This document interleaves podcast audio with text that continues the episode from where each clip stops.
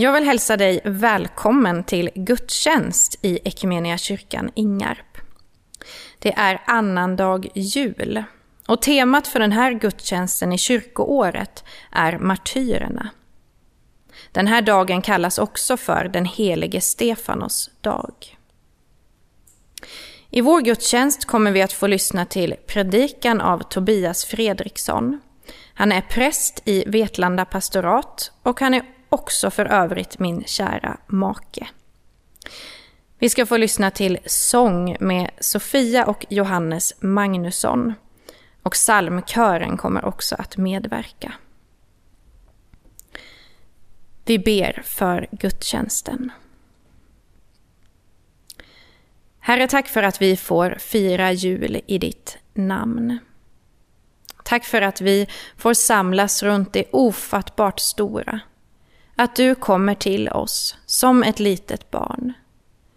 Herre, vi tackar dig för den outsägligt rika gåvan. Låt julens mysterium allt mer få landa inom oss. Och låt oss få bära bud om det glada budskapet till vår värld. Välsigna oss och välsigna vår gudstjänst. I Jesu namn. Amen.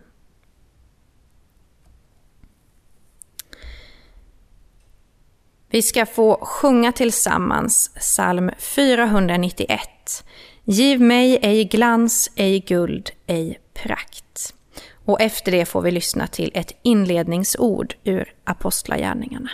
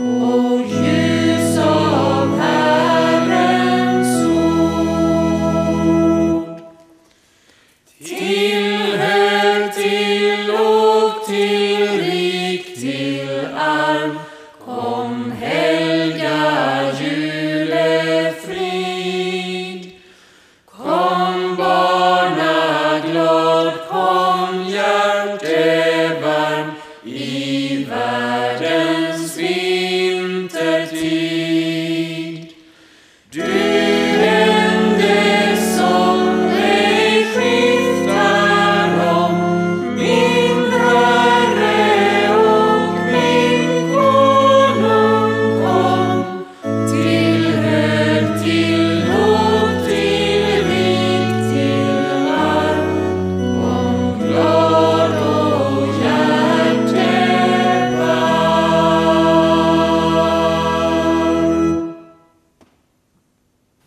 ska som inledning idag läsa från Apostlagärningarna, det sjätte kapitlet från och med vers 8 till kapitlets slut.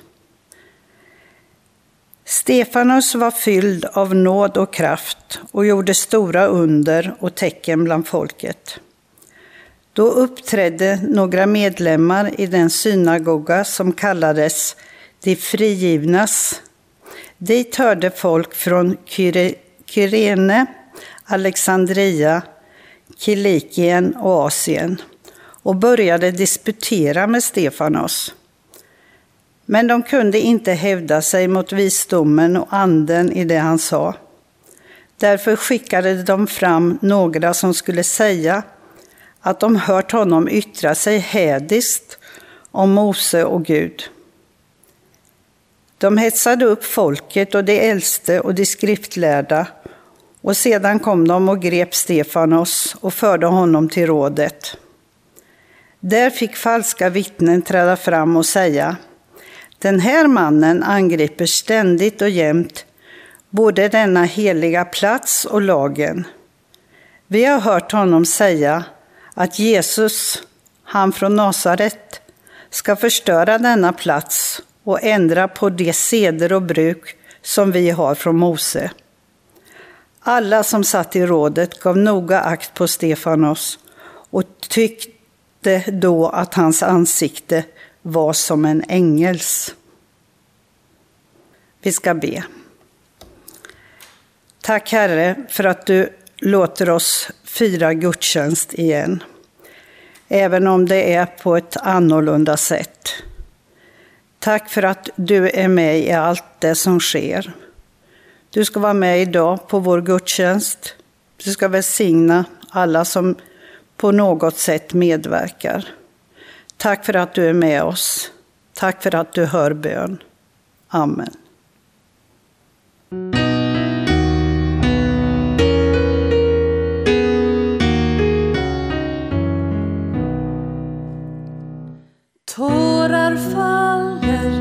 Hjärtan sörjer. Gud, vi längtar efter dig. Vi har väntat på din gåva. Välkommen Guds son. Välkommen Guds son. Allt för enkel för en konung. Är den krubba du sad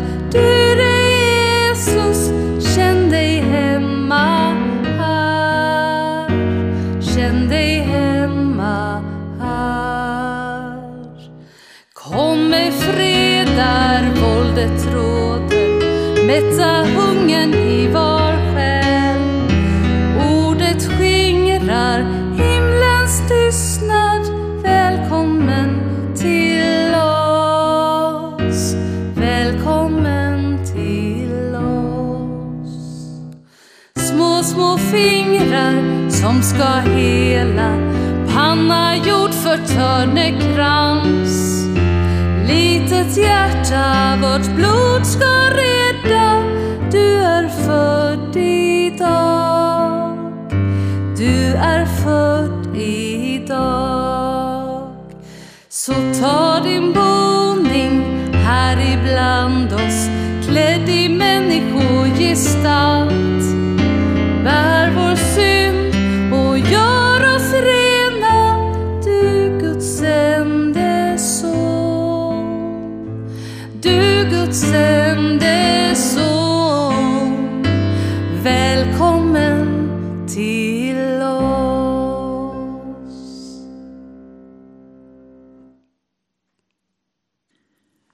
Jag läser ur Matteus evangeliet, det tionde kapitlet.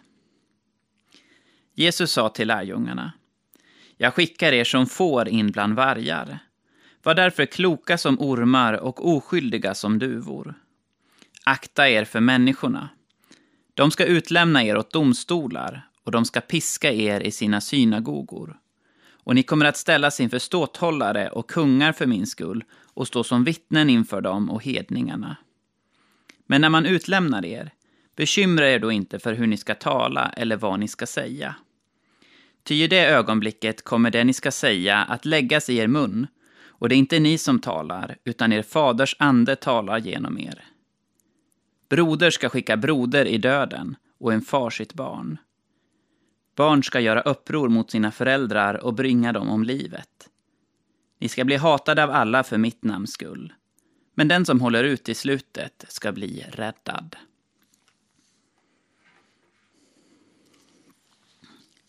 Idag är det annandag jul och temat för den här dagen är martyrerna. Den här dagen kallas också för den helige Stefanos dag efter den första person som blev avrättad på grund av sin kristna tro. För många av oss som lyssnar till den här gudstjänsten känns kanske det här med martyrskapet som något så ganska fjärran. Förmodligen är det inte så många av oss som oroar sig över risken att bli dödad på grund av sin kristna tro. Men tittar man på kyrkan i stort, på den världsvida kyrkan, så dödas människor också idag på grund av sin kristna tro. Och den här dagen är därför också ett tillfälle att tänka och be för alla de som möter förföljelse på grund av sin tro också idag. Men i vår del av världen är martyrskapet ofta något som känns ganska långt borta. Och kanske inte bara långt borta. Ordet martyr har till och med fått lite av en negativ klang. Var inte en sån martyr, kan man säga till någon som på ett falskt sätt förstorar upp och skyltar med sitt lidande för att andra ska tycka synd om en och för att få andra fördelar. En martyr är då en person som på ett självpåtaget sätt väljer att göra sig själv till ett offer. Men i grunden så finns det ingen sån betoning i martyrskapet. Martyrskap handlar varken om att skylta med eller att söka efter lidande. Att det är så kan man till exempel se på att ordet martyr ifrån början inte ens har med lidande att göra. Ordet martyr kommer ifrån början ifrån det grekiska ordet martys, som betyder ungefär vittnesbörd. Men så många dog i den tidiga kristna kyrkan på grund av sin tros skull, att ordet som handlar om att vittna om sin tro istället fick betydelsen att lida och dö för sin tro.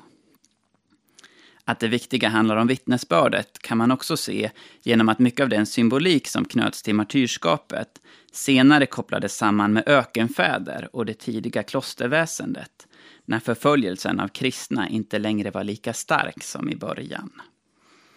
Kärnan i vad det innebär att vara martyr handlar inte om det lidande en martyr får utstå, utan om vittnesbördet. Om att ge sig själv helhjärtat till Gud och genom att göra det berätta om Gud. Men ibland så kommer lidande som en konsekvens när människan väljer att vittna. Gud vill inte lidande, men ibland leder livet till lidande ändå. Och jag tänker att det är så man måste förstå orden som Jesus säger till sina lärjungar i dagens evangelietext. Poängen är inte att Gud vill de lidanden som lärjungarna kommer att utsättas för. Poängen är att förbereda dem på det lidande som kommer att komma.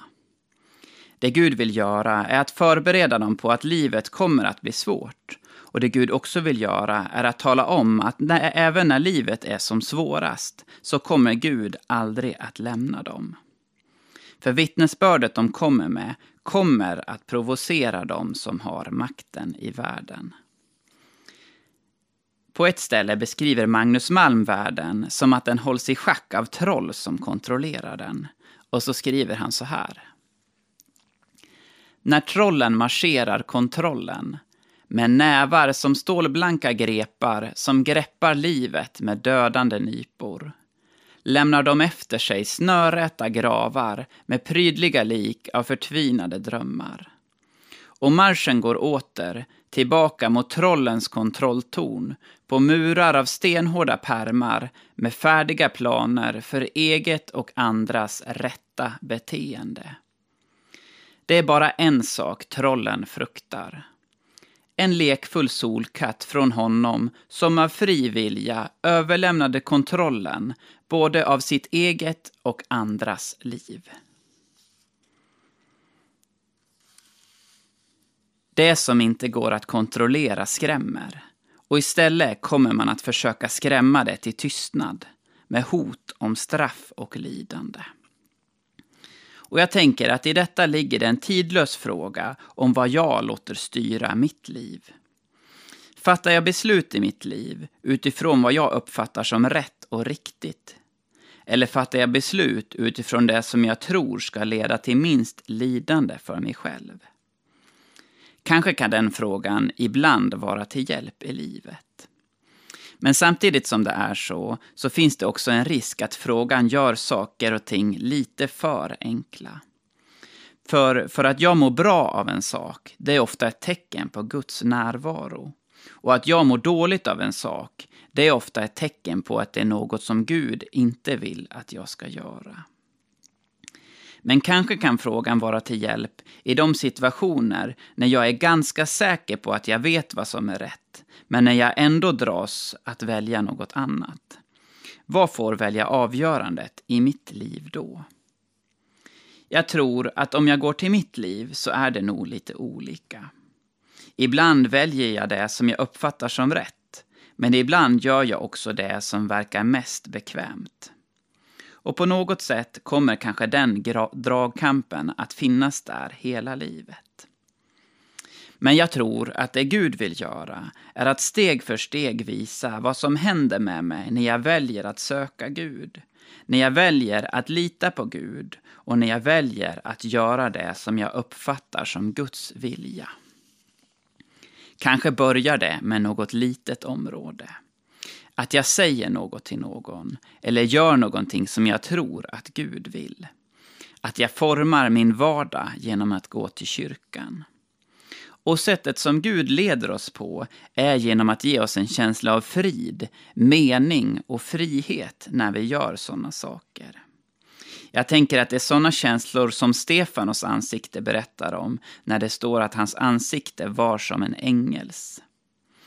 Kanske erfarenheter berättar att livet blev enklare, mer meningsfullt och friare när jag gjorde något som jag uppfattade som Guds vilja. Och kanske ger det en mer smak att släppa in Gud också i andra delar av mitt liv. I mitt arbete kanske. I sättet som jag är med mina vänner. I sättet jag väljer att sköta min ekonomi och ta hand om det jag äger. Jag tänker att en del av resan genom livet kan vara att steg för steg upptäcka och överlåta mer och fler delar av mitt liv i Guds hand. Och genom att göra så bli friare. Men genom att göra så kan också leda till lidande. För det finns inget som den här vakten, världens makter fruktar lika mycket som en person som inte går att styra genom hot om straff eller genom att locka med lätta och kortsiktiga njutningar. Det är bara en sak trollen fruktar. En lekfull solkatt från honom som av fri vilja överlämnade kontrollen både av sitt eget och andras liv. Och det är ju det martyrerna berättar om. Men martyrerna berättar också något annat. Martyrerna berättar att det finns ingen makt i världen som kan stå emot den kraft som finns hos en människa som fritt och frimodigt vittnar om Gud. För vi finns här idag och vi lyssnar till de ord som de första martyrerna berättade om. Makthavarna försökte förtvivlat tysta martyrernas röster och budskap, men budskapet hörs än idag. Än idag hörs budskapet tusentals år senare.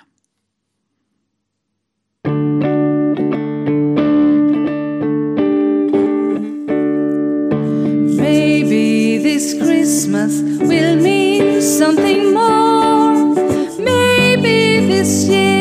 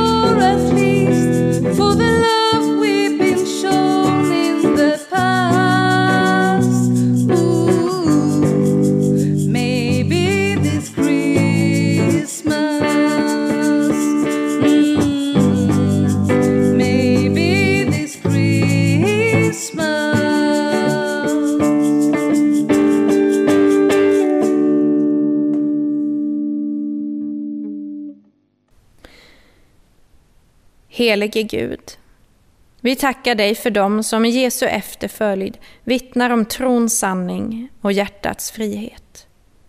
Du som ger människor kraft att försvara kärlek och rätt, ge oss mod och vilja att följa dig. I Jesu namn. Amen.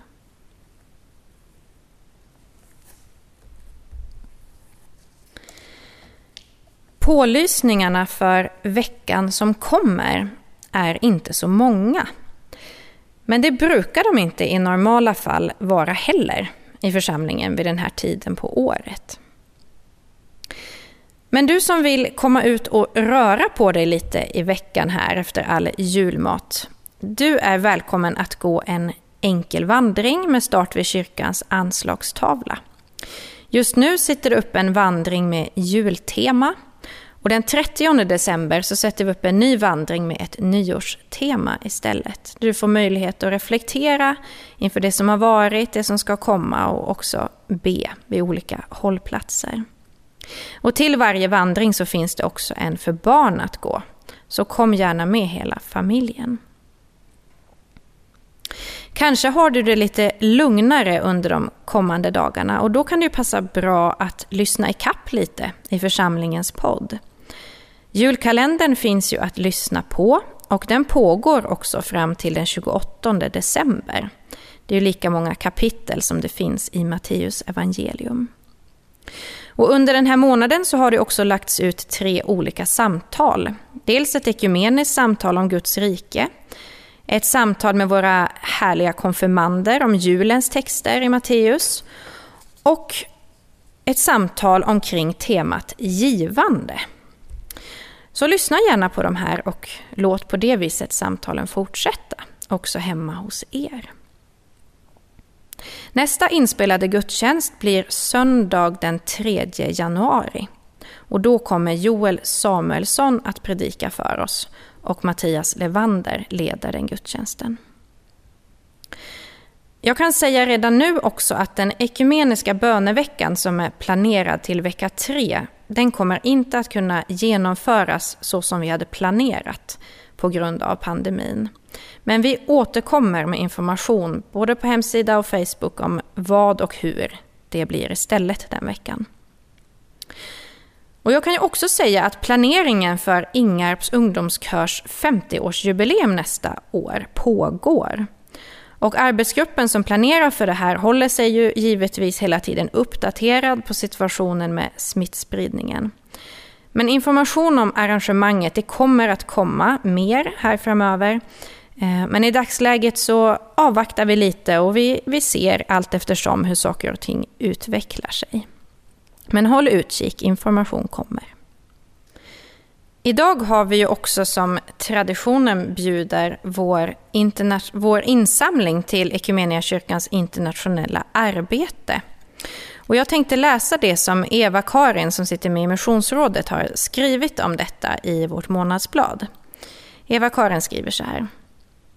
Temaåret som kyrkan har just, har just nu går under temat Till jordens yttersta gräns. Så heter också kyrkans internationella insamling som pågår från första advent till sista januari. Det missionsarbete som kyrkan bedriver behöver pengar för att kunna fortsätta med alla de projekt som pågår runt om vår värld. Det jag än en gång vill återkomma till är att de på vår jord som redan innan coronapandemin utbröt hade det svårt, det är de som drabbas värst. Precis så är det ju och tack för den påminnelsen, Eva-Karin. Idag får vi alltså ta upp eh, vårt offer till den här insamlingen. Eh, om vi hade haft gudstjänst i kyrkan kanske vi hade haft eh, lite festlig offergång och eh, ja, fått mötas runt detta. Men nu får vi göra det var och en för sig. Vill du swisha in din gåva så kan du göra det till samma nummer som där vi gav kollekten. Och då märker du den här gåvan med insamling eller mission. Ja, någon av dem. Insamling eller mission. Och du swishar då till 123 298 0282. Och som alltid kan du ju också gå förbi kyrkan i veckan och ge din gåva via gåvomaten och då finns det en särskild eh, flik där som heter mission. Tack för din gåva och tack också för dina förböner för detta viktiga arbete som vi får vara med och bidra till. Nu sjunger vi tillsammans Härlig är jorden.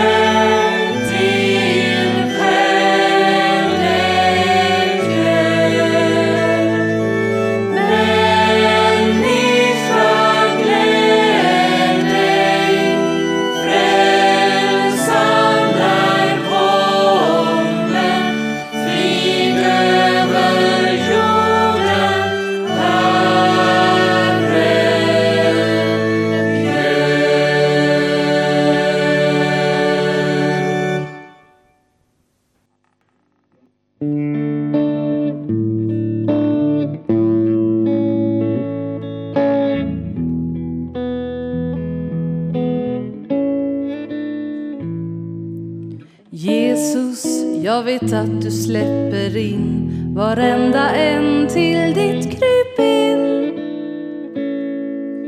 Men om det ska graderas på något sätt vet jag en tant med förtursrätt. För när alla gick med listor mot att få flyktingar bredvid advokaten och magistern, de skrev på det med För alla utom hon var överens. Och till sist såklart förläggningen den bränns. Om jag kommer upp till Jesus på något sätt frågar han nog inte något om fel och rätt. Älskat allt du pallar typ varje dag? Blir hans fråga och vad svarar du och jag? Här tror du väl att visan den är klar med en moral så uppenbar. Och TV gjorde reportage varenda smyg Adolf tog av sig sin mustasch. Utom han som gick med listan, han hängdes ut vid skampålen. Ingen kändes vid han, ingen ville vara hans vän. För så går det till här ut i kalla nord. Att man håller med den som för tillfället för ord. Om jag kommer upp till Jesus på något sätt frågar han nog inte något om fel och rätt. Har du älskat allt du pallar varje dag? Blir hans fråga och vad svarar du och jag? Jesus, jag är inte bättre jag, jag vill inte ha något bråk idag. Hela trakten tyckte han var bäng, men nu så kommer min poäng. För när alla gick i kyrkan, ja det var ett kristligt place, så fick rassesnubben sitta för sig själv med ett skamset face. Den enda som satte sig bredvid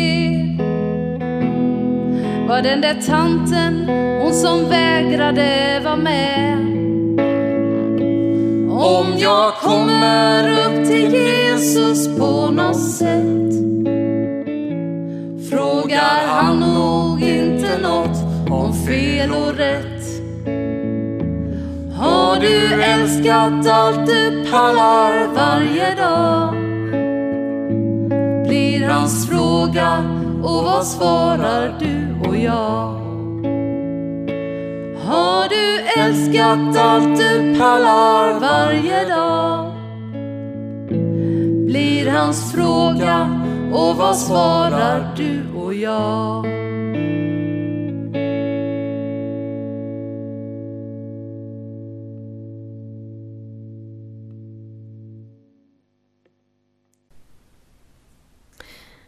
Så vill jag avslutningsvis säga ett stort tack. Tack till alla som har medverkat idag och tack även till dig som har lyssnat. Och till alla så önskar jag er en riktigt god fortsättning på julen. Och jag ska avsluta med att läsa några verser ur den gammaltestamentliga texten från Jeremia. Och sen ber jag Guds välsignelse över oss alla.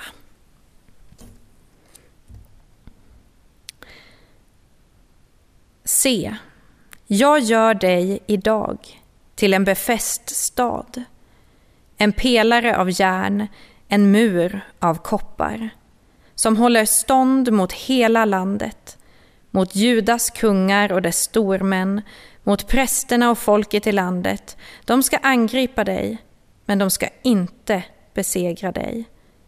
Ty jag är med dig, säger Herren, och jag ska rädda dig. Herren välsigne dig och bevare dig. Herren låter sitt ansikte lysa över dig och vara dig nådig. Herren vände sitt ansikte till dig och give dig frid. I Faderns, i Sonens och i den helige Andens namn. Amen.